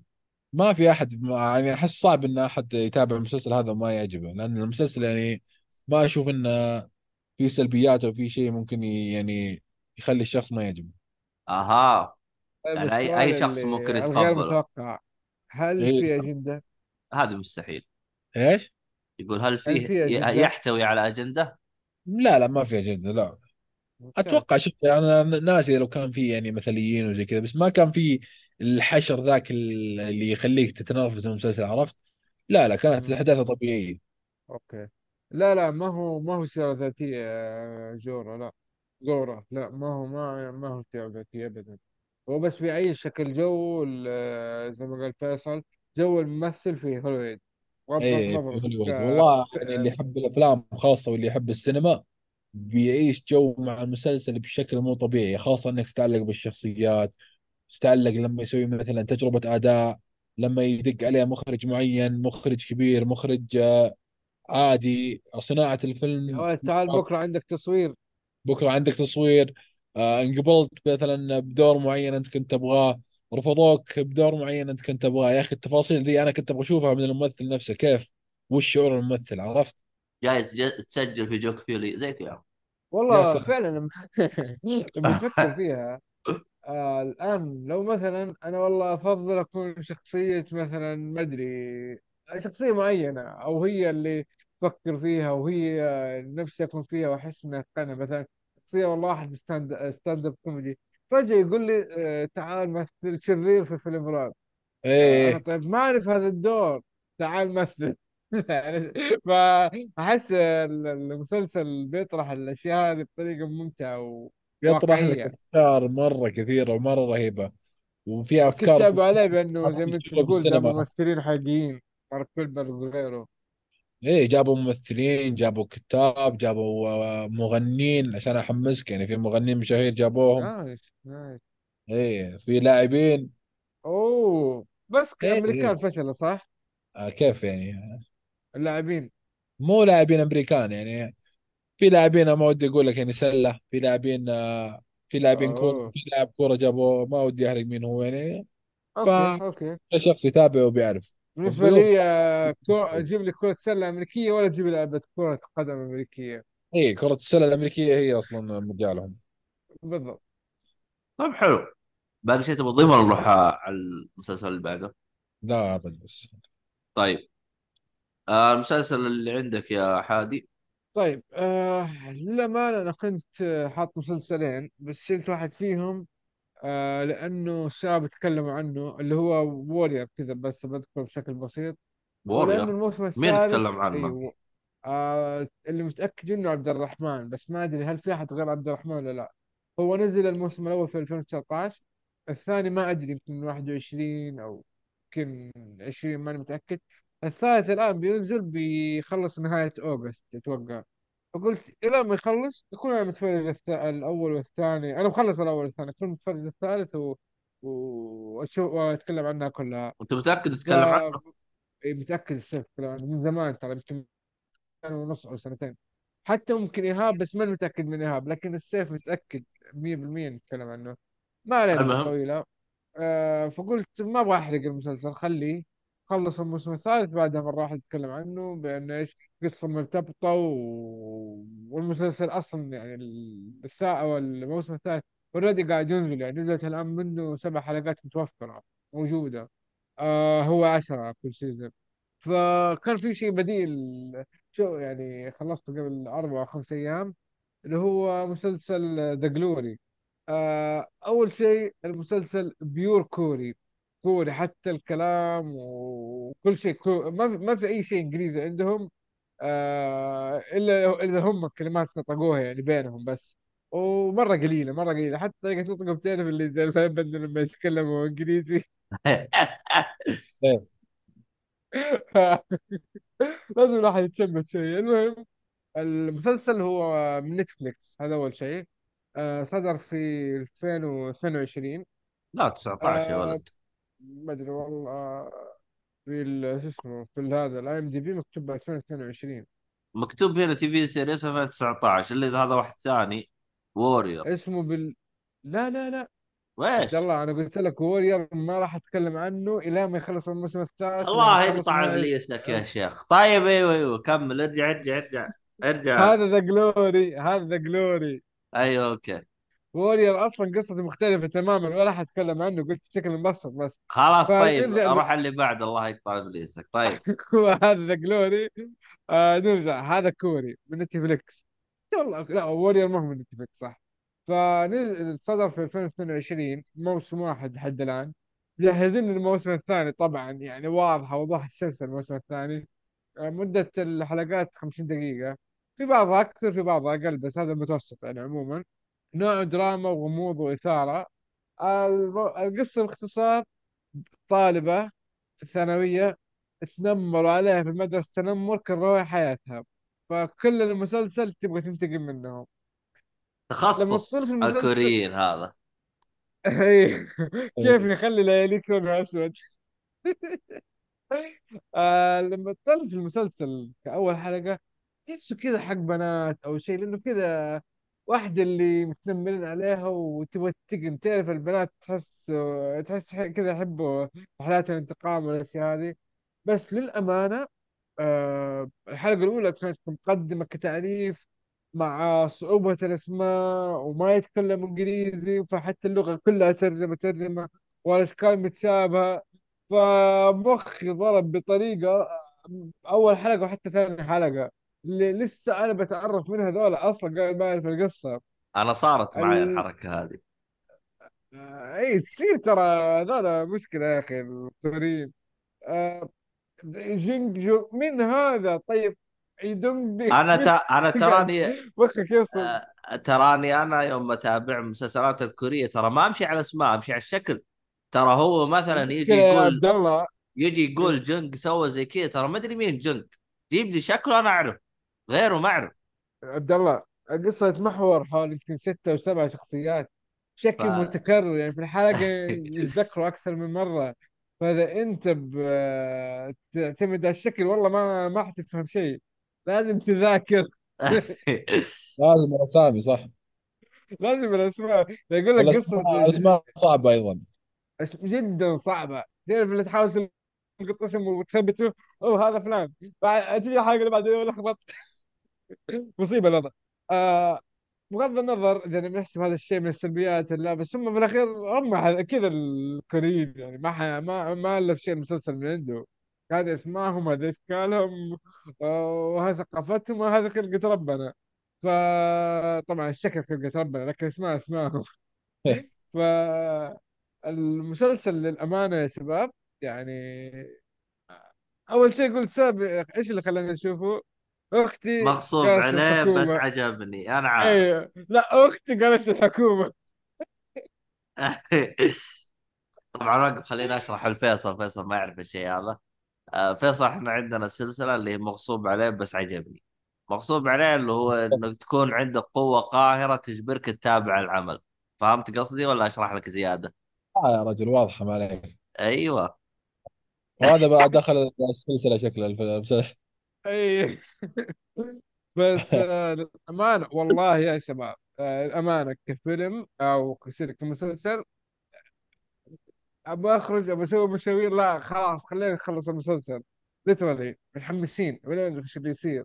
الأحداث سلكت بطريقة مرة ممتازة. آه، أنا عندي بس نقطتين. أول شيء خلينا نتكلم ما ما أدري أبغى أدخل في القصة مستعجل وبخلص كل شيء. آه الفيلم يعني تفاصيله مرة دقيقة مرة كثيرة بس ما هي معقدة يعني واضحة. بحيث إنه لو شيء بيحاولوا يخفوا ليك يخفوا ليك ترى بس ترى باين طرف الشاشة أو تلميحة معينة كذا عن طريقهم يعني متعمدين هذا الشيء مو إنه يقصدوا يدسوه بطريقة إنك ما حتفهم ولا يبغالك تدور أو شيء لا كل شيء قدامك ترى. ولو ما هو باين قدامك حيبينوا الحلقة اللي بعدها. فنظام ال تشغل كل شيء لاخر حلقة لا لا كل شيء بالتدريج كل شيء واضح سلس آه، الكتاب مرة كويسة. آه، ما حسيت فيه مطمطة. آه، بالعكس كل كل حدث أخذ وقته كمية الشخصيات ما يعني كم تقريبا؟ أتوقع 10 شخصيات أو 11 شخصية بين بنات وعيال فشيء مرة كويس. ترى على فكرة لما أقول لكم تنمر في الثانوية هذه الأحداث اللي سببت المسلسل. بس الم- الأحداث ال- ال- المسلسل كامل يعني خلاص هم في أعمار الثلاثين تقريبا. يعني كبار صاروا في العمر. ما ما في أوكي. فنظام الثانوية وكذا لا ما ما هو كذا أبدا. أصلا الجو هذا رخيص حق الكوريين نظام الثانوية. ف آه عموما بس في أنا معلومة آه ما أدري إذا يعرفها كثير. ترى التم... التنمر في كوريا جدا عالية. جدا جدا عالية يعني. حسيتها شيء طبيعي في المسلسل. يعني تعرف ثانوية آه أي مدرسة أي آه مدرسة هو في تنمر هو هو صار عندهم يعني ممكن إن إحنا يعني يوم نشوفه بالمسلسلات زي كذا مبا... يعني يكون في نوع من المبالغة لكن هي واقع حقهم. هم التنمر هناك عندهم مرة عالي يعني لدرجة إنه حتى حتى الأمريكان يا عبد الله لاحظ. هي هو هو شوف التنمر بكل مكان بس يا أخي ما أدري أنا أحس الكوريين مبالغين بالتنمر شويتين. تعرف اللي حسيت التنمر عندهم يعني اللي بالكلام هذا ما يعتبر تنمر؟ لازم في ضرب لازم في تعذيب لازم في آه ياخذوا شيء من غير وجه حق. هذا هذا التنمر حقهم. ترى لازم تسوي شيء بيدك عشان يحسب تنمر. المهم أنا أحس إني طولت مرة فبحاول أمشي بالمسلسل شوية. آه أنا أقول إنه المسلسل يعني يستاهل وقتك للأمانة. آه ممكن كان أعطيه أسطوري بس في عندي ثلاثة مشاكل مشكلة ذكرتها اللي هي إنك تحفظ الأشكال والأسماء. حلو. وهذه يعني الكل بيعاني منها صدقوني متأكد. المشكلة الثانية في أحداث احس إنها مبنية على صدفة. آه، ما أدري هل هل أنا فوت شيء ولا هي فعلا مبنية على الصدفه هذا الشيء اللي ماني متأكد منه للأمانة بس آه هذه المشكلة الثانية. المشكلة الثالثة حسيت إنه طريقة آه إنه كيف دخلوك الموسم الثاني أو بنوا لك الموسم الثاني يقدروا يسووها يا شيخ عشرة مواسم لو يبغوا. بس الحلقة ال- ال- سوري، الموسم الأول لو تبي تقيمه لحاله ترى شيء مرة بطل. يعني تقدر تشوفه من الأول وتوقف يعني ما عندك مشكلة ما ما حتخرب الأحداث بالنسبة لك. بس الواحد مع المسلسل وجودته وشاف الكتابه وشاف الشخصيات وانبسط عليها. لا والله متحمس على الموسم الثاني بشوفه بإذن الله. يعني كسبوني هم للامانه قفلوا القصة بالموسم الأول ولا كيف؟ ها؟ يعني قفلوا القصة بالموسم الأول؟ لا هم في قصة هذه تعتبر أساسية. ومشكلة ما اعرف كيف أقولها. المهم تفرعت القصة. يعني هم باختصار يعني اللي أنا عشان يعني أسهل له واحدة من الشخصيات الرئيسية الجانبية في الموسم الأول ممكن تكون هي القصة الشخصية الأساسية في الموسم الثاني. إيه فهمتك فهمتك. يعني هم باختصار حطوا لهم مخرج لو يبغوا يكملون. لا لا لا. إيه ترى جهزوا الأحداث. جهزوا الأحداث. جهزوها كاملة. بس باقي السيناريو. ترى هو هذا بيسوي كذا. بس كيف حيسويه؟ كيف التفاصيل؟ من حيتورط من حيدخل كيف حيكون مثلا إيش آه، الانتقام؟ لأنه قلت لك أصلا القصة كلها انتقام و... وثار عن تم- تنمر أو جرائم أو شيء زي كذا. فخلاص تعرف كل شيء تعرف مين اللي بينتقم ومين اللي بينتقم منه ومين اللي بيساعدوه. بس كيف الطريقة؟ هذا هو. هل في في ناس زيادة بيساعدوه ما تدري. ترى فعلا والله مبدعين في هذا الجانب يا عبد الله ترى ما هي مبالغة. عموما أنا يعني أتوقع إني شبحت له بزيادة عشان لا راح يشوف يقول إيش الخياس هذا؟ من كثر تشبيحي لكن شوفوه يستاهل والله. والله حلو حلو. على نتفلكس يعني آه، يتابع حلقة نتفلكس أيوه حلقتين حلقة حلقتين ما عجبه يوقف ولا كيف؟ الحلقة الاولى ما بقياس إنك لسه أنت بتقول مين هذا جم دم دم. بشوف حلقتين إلى ثلاثة وبعدين إذا بتوقف وقف إذا بتكمل كمل. أيوه طيب طيب حلو الكلام. آه خلينا نروح على اللهم على فكرة بس م- ملاحظة الفيلم مليان ترى مشاهد. ما أقول لك تعذيب اللي مرة ال extreme بس في مشاهد تعذيب. فلا أحد يشوف مع الصغار. وحتى في تحرش وكذا برضه يعني هذه طب هو أصلا تقييمه plus الصغار عن 18 المسلسل طيب. اي اي okay. ما كنت منتبه لتقييمه. تقييمه للكبار يعني إنت إيش تبغى أنت؟ شو وضعك؟ المهم ما علينا. هو أنا ما دورتش في المعلومة دي بقى. طيب آه كذا إحنا قفلنا على المسلسلات. آه نبغى نقفل آه بآخر حاجة اللي هو الأنمي عشان ما يزعل علينا أسامة. آه Bleach. آه بس Bleach الآن أنا حسب ما فهمت إنه الآن هو في عمل شغال الآن أو في تكملة شغالة. هي هذه remake remaster أنا جديد Bleach تفاصيل اللي ها؟ إيش؟ شوف أنا أقول لك عن Bleach تفاصيل اللي هو أنا صراحة تابعت أنميات كثيرة. من شوف من الأنميات الطويلة اللي معروف وما شفتها هو One Piece فقط. ليش؟ الطويلة One Piece لأنه مرة؟ طويل صراحة مرة طويل فوق ألف حلقة. ينتظر لازم ط- أشوفه عمال طب قبله بعدها أتابع. طب أنت شايف آه، ناروتو 400 500 حلقة؟ طيب النص هذا فيها النص الثاني فيها انميات ذي يا أخي. فيبغى لك تفرغ له وقت عرفت؟ One Piece ما أقول إنه سيء ولا اسبه صراحة ولا شيء لكن يبغى لك تفرغ له وقت لحاله يعني حط أعمال في بالك ودك تشوفها وتابعها بعدين روح ال One Piece لأنه حرام إنك تظلم مع عمل كذا. ممكن يكون يعجبك وتقطع وتسحب عليه فتظلم. أما عندي Bleach Bleach صراحة يعني قبل لا Bleach أتابع. إذا ماني غلطان واصل 400 حلقة ولا أنا غلطان. ما وصل يا رجل. الكورة القسم الأول اللي هو نزل قبل عشر سنوات آه، انتهى. كان آه، تقريبا 200 حلقة. والحين نازل القسم الثاني اللي بتكلم لك عنه الحين. أها. الآن القسم الثاني ينزل بشكل أسبوعي كل أسبوع ولا كيف طريقته؟ إيه كل أسبوع كل أسبوع حلقة. آه ذكرني إذا ماني غلطان. الآن المانجا حقه قفل. ولا باقي؟ انتهت أيوه. المانجا المانجا انتهت خلصت. إيه وجالسين يمشون على الأحداث المانجا. اللي وقف آه. قبل 10 سنين هلا. الأحداث المانجا كملوها ومخلصت المانجا لكن الأنمي وقف قبل 10 سنوات. والآن بيكمل. والآن كمل ونزل منه. لك عشر سنوات إذا جالس تنتظر أنت. لا صراحة أنا تابعته قبل ثلاثة أو أربع سنوات يمكن. آه يعني أنت توك يعني. إيه. مو فترة. بعيده إيه. ف أنا صراحة تابعت الأنمي وكلام الناس انه أنمي قتالي ب- بس وبس يعني قتال وإخراج وكذا وتحريك حلو. لكن اللي انصدمت فيه هو القصة. القصة جبارة بشكل مو طبيعي. يعني العالم اللي فيه والشخصيات والمنظمات اللي موجودة فيه والشخصيات الشريرة خاصة لأني أحب الشخصيات الشريرة بالأنميات كل شيء بهذا الأنمي كان مميز يعني. وبعيدا عن القتالات والأشياء الجانبية والتحريك اللي خلت من الأنمي هذا أعظم. وعندك بعد ما نزل الحين يعني وقف عشر سنوات وقبل عشر سنوات والحين كمل رجع بإنتاج أفضل ورجع بأحداث أفضل ورجع بشخصيات أفضل وخاصة الحين تطور كل شيء قبل عشر سنوات. التحريك والاستديوهات تطورت وال animation وكل هذه الأشياء تطورت. فالأنمي رجع الحين وكسر الدنيا على الانميات كثير. يعني رجل حتى One Piece اللي مكسر الدنيا قفل عليه ببعض الحلقات. عندك جوجيتسو وعندك أنميات كثيرة وعندك أنمي المنشار اللي نزل مع Bleach وقتها وكسر الدنيا بس ما وصل لل Bleach.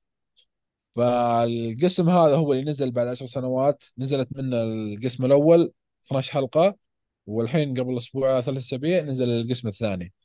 القسم هو هذا كان هو الحين بس سنه ينزلون 12 حلقة ولا كيف طريقتهم؟ الآن طريقة جديدة حقتهم.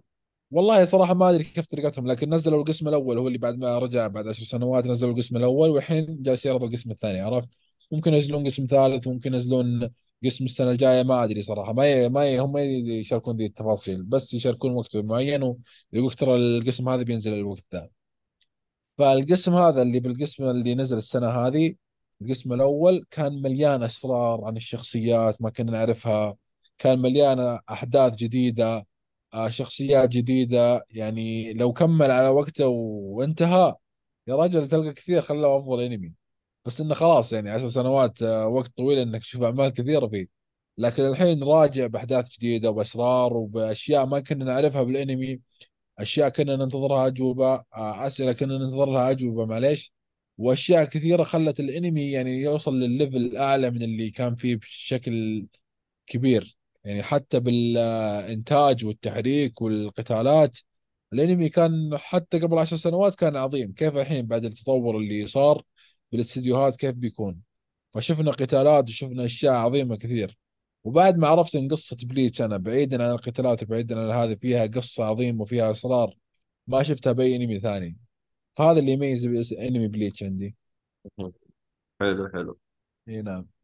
آه طبعا أنت بالنسبة لك إلى الآن Bleach هو أفضل شيء أفضل أنمي بالنسبة لك؟ إي والله بالنسبة لي أفضل أنمي صراحة. والله أنت يوم قلت لي إنه را... آه كمل لأن أنا أخبر أنا كل حقنا Bleach جالسين آه دائما يصيحون كملوا Bleach كملوا Bleach يوم أنت قلت لي الحين رجع والله حمستني أبغى أتابعه. والله يستاهل الصدق خاصة بالرجعة هذه. الرجعة كل شيء فيها ايقوني وأنت محظوظ الحين إنك بتتابعه. ومع الرجعة فبتشوفها مرة واحدة. الأحداث ذي بتشوفها مرة واحدة يعني بدون أي تقطيع بدون أي توقيف بدون أي شيء. بدون القطعة هذه الوقفة هذه سوت حوسة. الوقفة هذه راح تفرق معك كثير أنت كمشاهد. راح تشوف الاختلاف المميز بالشخصيات آه، راح تمشي يعني مع مع الأحداث بشكل تسلسلي يعني ما في انقطاع ولا شيء وهذا اللي بيختلف معك يعني. أنا بعيدا عن هذا التوقف وبعيدا عن الأشياء اللي صارت يعني شايف إن الأنمي عظيم وأفضل أنمي. كيف لو إني شفته مرة واحدة؟ كيف لو الأنمي أصلا منتهي و... والمانجا خلصوا قصتها بالأنمي؟ فحنا أنا أعرف أشخاص كثير أوثق بذوقهم صراحة من انمي بليتش يقول لك باقي ما شفت شيء من الأحداث. أنا إذا قالوا لي هذا الكلام قلت أنا شفت شيء مرة عظيم خاصة بالقسم الجديد هذا. مم. شفنا أحداث خيالية كسرت الدنيا. وش ك... وش باقي أصلا؟ وش باقي نشوف؟ فعرفت اللي كل ما تجيك حدث عظيم يجيك حدث أعظم. كل ما تشوف أحداث شخصيات عظيمة تطلع لك شخصيات أعظم. فهذا اللي آه يمين طيب الآن بخصوص اللي هو الرجعة هذا كم راح يكون حلقة تقريبا ولا ما؟ والله قلت لك أنا ما أحدده صراحة لكن آه، يعني نزلوا القسم الأول قالوا إنه في قسم ثاني ونزلوا القسم الثاني الحين. ما أدري هل هو في قسم ثالث وبعدها يوقفون سنة وبعد ثلاث أقسام لكنهم مستمرين. على كلام إنهم مستمرين خلاص لين ما ينتهي. آه اللهم صل على محمد. آه آه، يعني بياخذ له كذا ثلاث سنوات شغال ويخلص ولا يبغى له والله فتره يمكن طويلة. يعني ما يمكن ياخذ أكثر من سنة. فهذا شيء يحسب لنا إحنا كمشاهدين صراحة إننا نعيش حقبة بليتش الجديدة. كمان هو لا أعتقد يبغوا يستغلون اسمه يبغوا يطلعون أرباح ما يبغوا يخلصون بسرعة. بياخذون اي هذا راحتهم. خاصين منه يا رجل. حتى المانجا كانت تطلع أرباح خيالية. إيه. من أكثر ها. المانجات هو أصلا ال ال ال الأنمي سبب وجوده عشان يسوي إعلان للمانجا يعني عشان الكاتب يطلع أرباح قدر المستطاع. إيه فالمانجا أرباحها عالية من زمان فما هم شايلين هم الأرباح. طيب طيب. حلو الكلام. طبعا أسامة زع... زعلان من يقول لك تستهبل على ون بيس ما عليه. طيب. ما استغرب والله أنا قلت لك لازم أعطي الأنمي حقه صراحة فصعب إنك تتابع ألف حلقة بوقت متقطع فهمت؟ مهم. تظلم الانمي كذا. يعني تتابع 50 حلقة مثلا توقف شهر شهرين بعدين تتابع ثلاث حلقات بعدين توقف أسبوع تتابع حلقتين. كذا ما مستحيل إنك تندمج مع الانمي مهما كان عظيم. والله هو فعلا آه، أحيانا الراحة والرجعة أحيانا راح الراحة والرجعة هرجة. تخرب عليك يا أخي. آه، فلما لا. أنا أنا لأني أتابع آه، مثلا كونان. كونان لأنه هو ميزته كل تقريبا آه، حلقة تقريبا قصة تقريبا يعني. في قصة إيه. بالخلفية ماشية بس ما هي مرة يعني. فيمديك تسحب عليه كذا شهر شهرين صح. وترجع تتابع لك. إلا صح. كونك كنت تجي فترات تتابع حلقات كثيرة فترات لا. صح على كلام مم. حلو حلو. آه طيب كذا إحنا خلصنا محتوانا حق الحلقة هذه. آه تقدر تشوف One Piece في أسبوع. وسام يقول تقدر تشوف One Piece في أسبوع. كيف؟ إيش يا الطريقة رجل لازم ما أنام أسبوع كامل. حتى لو ما زياده يقول تشوف فيها فيصل 50 حلقة باليوم Bleach صراحة. 50 حلقة ومن في اليوم المسلسل ليه؟ وين عايش أنا؟ أقول يا فيصل حمسني صراحة على مس... آه، أنمي Bleach من الأشياء اللي كانت على داري بس أبغى أحد كذا شوية يقول وقف لي يلا يلا يلا هيا Bleach موجود على منصات معروفة. أظن آه، Netflix. آه،؟ Crunchyroll. Crunchyroll؟ أتوقع موجود على Netflix. إيه والله Netflix ما أدري صراحة بس Crunchyroll 100% موجود فيه Bleach لأن هي المنصة الأولى للانميات لكن في نقطة عن بليتش تدرون إن Bleach لما تابعته يعني أول حلقات كنت أقول الانمي كنت أقول واحد من أخوياي وش ذا الأنمي الخايس اللي معطيني إياه؟ طبيعي. إيه ط- شوف إيه بالضبط. طبيعي. شوف أنا لا شوف دائما إذا كان العمل آه، غريب عليك آه، بالبداية ما تتقبله. بس أول ما تتقبله تصير مجنون فيه. لا آه، في عندك مثلا أنميات زي Naruto و Attack on Titan و Monster و Death Note يا أخي تابعتهم من البداية شدتني عرفت؟ لكن بداية Bleach بالنسبة لي كانت آه، بداية غريبة كذا. وش وش العالم الغريب هذا؟ لكن يا أخي بعد مو في عمل أنا تابعته. في البداية جالس أقول وش التفاهة هذه؟ لكن إيه. بعدين دخلت معاه جو صرت مطبل. JoJo. ما أدري تابعت JoJo؟ JoJo والله ما تابعته صراحة. شوف JoJo Bizarre Adventure. إذا تابعته حيجيك نفس الشعور اللي جاك مع Bleach. تقول وش التفاهة هذه؟ إيش الغباء إيه هذا واصلا ليش لما زي وصلت كذا مم. لما وصلت للنص تقريبا أو شيء زي كذا قلت يا أخي لولا البداية هذه والكتابه اللي بالبداية والأحداث البطيئة هذه اللي بنت الشخصيات وبنت الأحداث وشرحت لي لأن كان في شرح وفي أشياء كثيرة عن العالم وكان الحين أنا ما فهمت الأحداث العظيمة اللي جالسة تصير عرفت مهم. فصرت أحب البداية لما كل ما قدمت مع حلقات صرت أحب البداية أكثر مهم. وصرت مستعد عادي لو الأنمي بالعكس بحب البداية لأن البداية كان سرها بالشرح وبالأشياء وبكتابة الشخصيات وتطورها شوي شوي وشرحهم للعالم نفسه وشرحهم للتقنيات اللي موجودة بالانمي. فهذا اللي يميز البداية عندي بعد ما حبيت الانمي. ها حلو حلو. آه طيب. شبيه ميت يقول اليوم اليوم في تغييرات كل الافلام والمسلسلات. تكلمت عنها جديدة. طبعا أكيد. جانا فيصل ظبطنا والله ما شاء الله عليه. ما عليك بس آه، في سؤال أنا قلت بسأل الفيصل ما سألته. إيش؟ إيش أحسن عمل كوميدي يا فيصل؟ جاوب عليه يا غبي. مو جاوبت عليه يا فيصل؟ أنا جاوبت أنا كنت أقول ساينفيلد لكن آه، هو شوف أشوف هم الناس يحسبون إن Entourage هو اللي عمل الكوميدي لكن أنا Entourage صراحة حاطه بحسبة ثانية بالنسبة لي. مو مسلسل كوميدي يا أخي. مسلسل غريب يعني مو بمسلسل كوميدي كوميديا.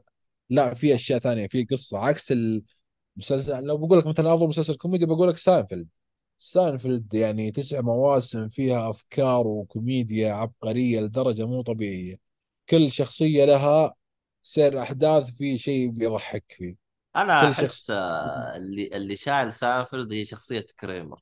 يا رجل Kramer والله العظيم ممكن أكثر شخص ضحكني في حياتي. تمنيت يا رجل لو الشخصية ذي حقيقية. أبغى أقابل ذا الشخص وابغى يضحكني كذا بس. يا أخي بس يا أخي والله يا رجل. ح- ح- ح- حزني آه، إنه اللي هو يوم سوى العمل حقه ذا live show تعرف أنت الهرجة اللي صار؟ لا ذا إيه. سالفه العنصرية والشيء اللي يا سواه أخي يا أخي اكره مشروع ممثل عظيم والله. كان مشروع ممثل كوميدي جبار لكن خرب نفسه بالسالفة اللي سواها والله أنا ما أقول لك خرب نفسه لكن يا أخي صار عبط. يا أخي والله من جد. جالس يقول له اسكت اسكت ما هو راضي يعني لازم يسبك. وكمان الله يصلح يعني انفعل يعني. صح. هو يعني زي ما تقول آه، هذا المكتوب له. ف- بس والله أفضل شخصية أفضل شخصية بالمسلسل. وعندك Jerry Seinfeld هو ترى Jerry Seinfeld آه، آه. كاتب من حلقات المسلسل. هو أصلا آه شو اسمه؟ Larry David. كو كوم comedy show. يا أخي هذا اللي يطلع ويتكلم يعني إيه. إيه هو هو هو من اول أصلا. إيه عبقري عبقري. والله Jerry Seinfeld عبقري مرة. أبداعهم يا رجل في بعض الحلقات قاعد أفكر يا أخي شلون وش جالس يسوي عشان يطلع بهذه الفكرة هذا اللي يخليني أحب المسلسل إنك تفكر كيف الكاتب جاب هذه الفكرة كيف خلاك تضحك بهذه الطريقة. هذا اللي يخليني أقول هذا أفضل مسلسل كوميدي عرفت. يعني في موسم من المواسم أتوقع ان الخامس أتوقع ان الخامس يوم ما أدري كلكم تابعتوا المسلسل ولا لا لكن أنا تابعته. جابوا لك الموسم إنه جالسين يكتبون مسلسل يعني سيناريو مسلسل وجالسين يقدمون تذكر؟ يا رجل وش العبقريه وقسم بالله ذاك الموسم خيالي بشكل مو طبيعي. هم بالمسلسل جالسين يتكلمون عن العظيم عرفت؟ يا أخي هذيك الحلقة صار خبال خبال صار شيء غير يا رجل شيء مو طبيعي. حتى كريمر أخذ جوه يعني وماخذ وضعية وهذا. لا هذيك الحلقة خبال هذيك هذيك الحلقة. إيه، كيف إنك تكتب آه، إنك تتكلم عن Seinfeld ب Seinfeld نفسه؟ فشيء خيالي والله. عبقرية بالكتابة. يعني لا تحس إنه مسلسل كوميدي من درجة العبقرية اللي فيه. لا هو شوف يعني أنا صراحة يعني أتفق معاك إنه هو ميز كان يعني يميل إلى المواقف والأشياء أكثر من الدراما الموجودة. آه، هذا اللي إيه. أنا بالنسبة لي خلاني افضله على آه، Friends. Friends تحسه شوية في دراما زايدة والعلاقات والأشياء هذه أنا كلها ما اهتميت فيها. لكن ما بس انكر إنه ما Friends ها؟ التوقعات والاشياء دي ما خربت علي ب Friends صراحة. كنت مستمتع لين النهاية لكن لما شفت ساينفيلد شفت كوميديا 100% ما صرت وقف أستمتع. أنت أنت شفت Friends بعدين Seinfeld؟ Friends بعدين ساينفيلد. لا أنا شفت العكس. أنا شفت ساينفيلد بعدين Friends فعشان كذا ما دخلت جو مع Friends على طول.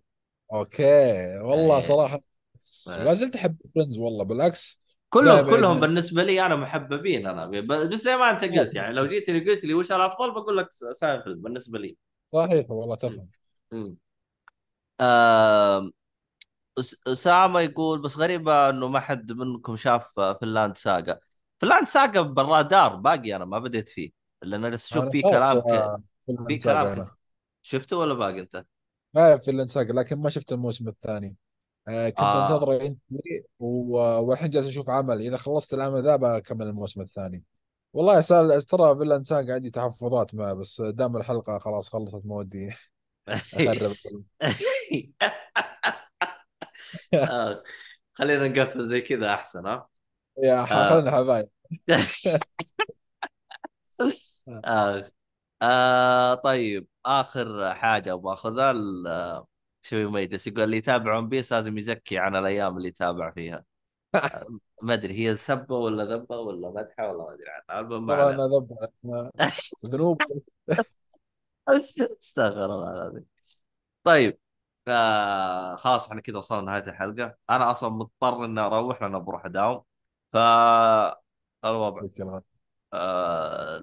هذا أسامة يقول إيش تحفظاتك؟ تحفظاتك الحلقة الجاية وروح تابع على تويتر يعطيك تحفظ يدخل شوف خليه يدخل حساب يكتب فيلم ساقا بالبحث وبيطلع له النقاط اللي لأني دائما أتكلم عنه أها خلاص اعطاك الطريق روح على حسابه طبعا المستمعين البودكاست تلقى حسابه راح يكون موجود على في وصف الحلقة في وصف الحلقة راح تلقى حسابه في تويتر تويتر أو. إكس أو اللي يكون أو ما أدري وش صار اسمه الحين أصلا والله مزعج. كل شوية آه يعطيك العافية فيصل. صراحة ودنا نسولف. ودنا نطول بالحلقة بس الصراحة آخ ما نبغى نزود الحلقة و... والجلسة معك ما تنمل. والله تشرف شرفت حبيبي والله واستمتعت جدا بالحديث معكم و... والوقت مر بسرعة صراحة من جمال آه، الجلسة أنت كمان لا تنسى جالسين نسولف قبل الحلقة والحين سولفنا بعد الحلقة يعني لنا تقريبا الحين أربع ساعات أو ثلاث ساعات جالسين نسولف. إي والله يا رجال ما مرت زي أيوه. لكن آه إن شاء الله في حلقات جاية نشوف آه إن شاء الله.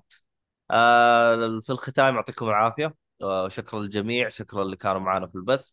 آه اللي و... آه حسابات البودكاست كلها موجودة في الوصف. وهذا كل حاجة ومع السلامة.